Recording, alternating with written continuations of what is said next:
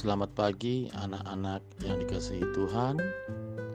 Sebelum kita memulai PTS hari ini, kita terlebih dahulu mendengarkan firman Tuhan.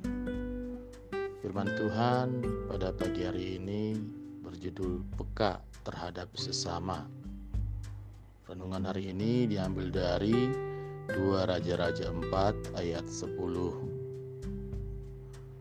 Baiklah kita membuat sebuah kamar atas yang kecil yang berdinding batu.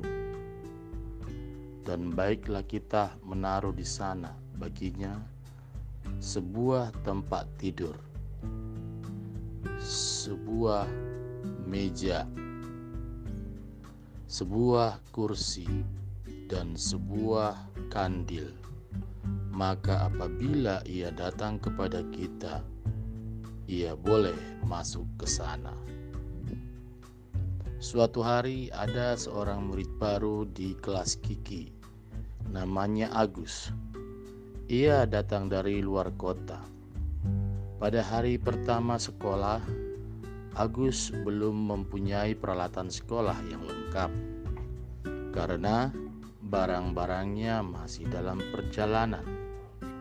Kiki memperhatikan Agus dan kemudian meminjamkan alat-alat sekolah yang dibutuhkan Agus. Anak-anak, mari kita baca kitab 2 Raja-Raja 4 ayat 8 sampai 17. Nabi Elisa melakukan tugasnya sampai ke Sunem, sebuah desa kecil yang sering dikunjunginya karena letaknya yang strategis. Di sana tinggal seorang perempuan kaya yang sering memberinya makan. Perempuan ini menyadari bahwa Elisa sering kali melewati Sunem, tapi tidak punya tempat tinggal yang tetap. Ia pun akhirnya menyediakan kamar untuk Elisa. Elisa sangat bersyukur.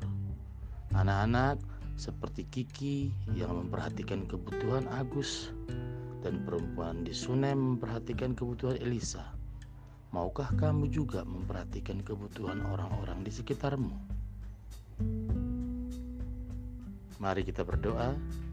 Bapa di surga, tolonglah aku untuk peka terhadap kebutuhan orang-orang di sekitarku. Dalam nama Tuhan Yesus, aku berdoa. Amin.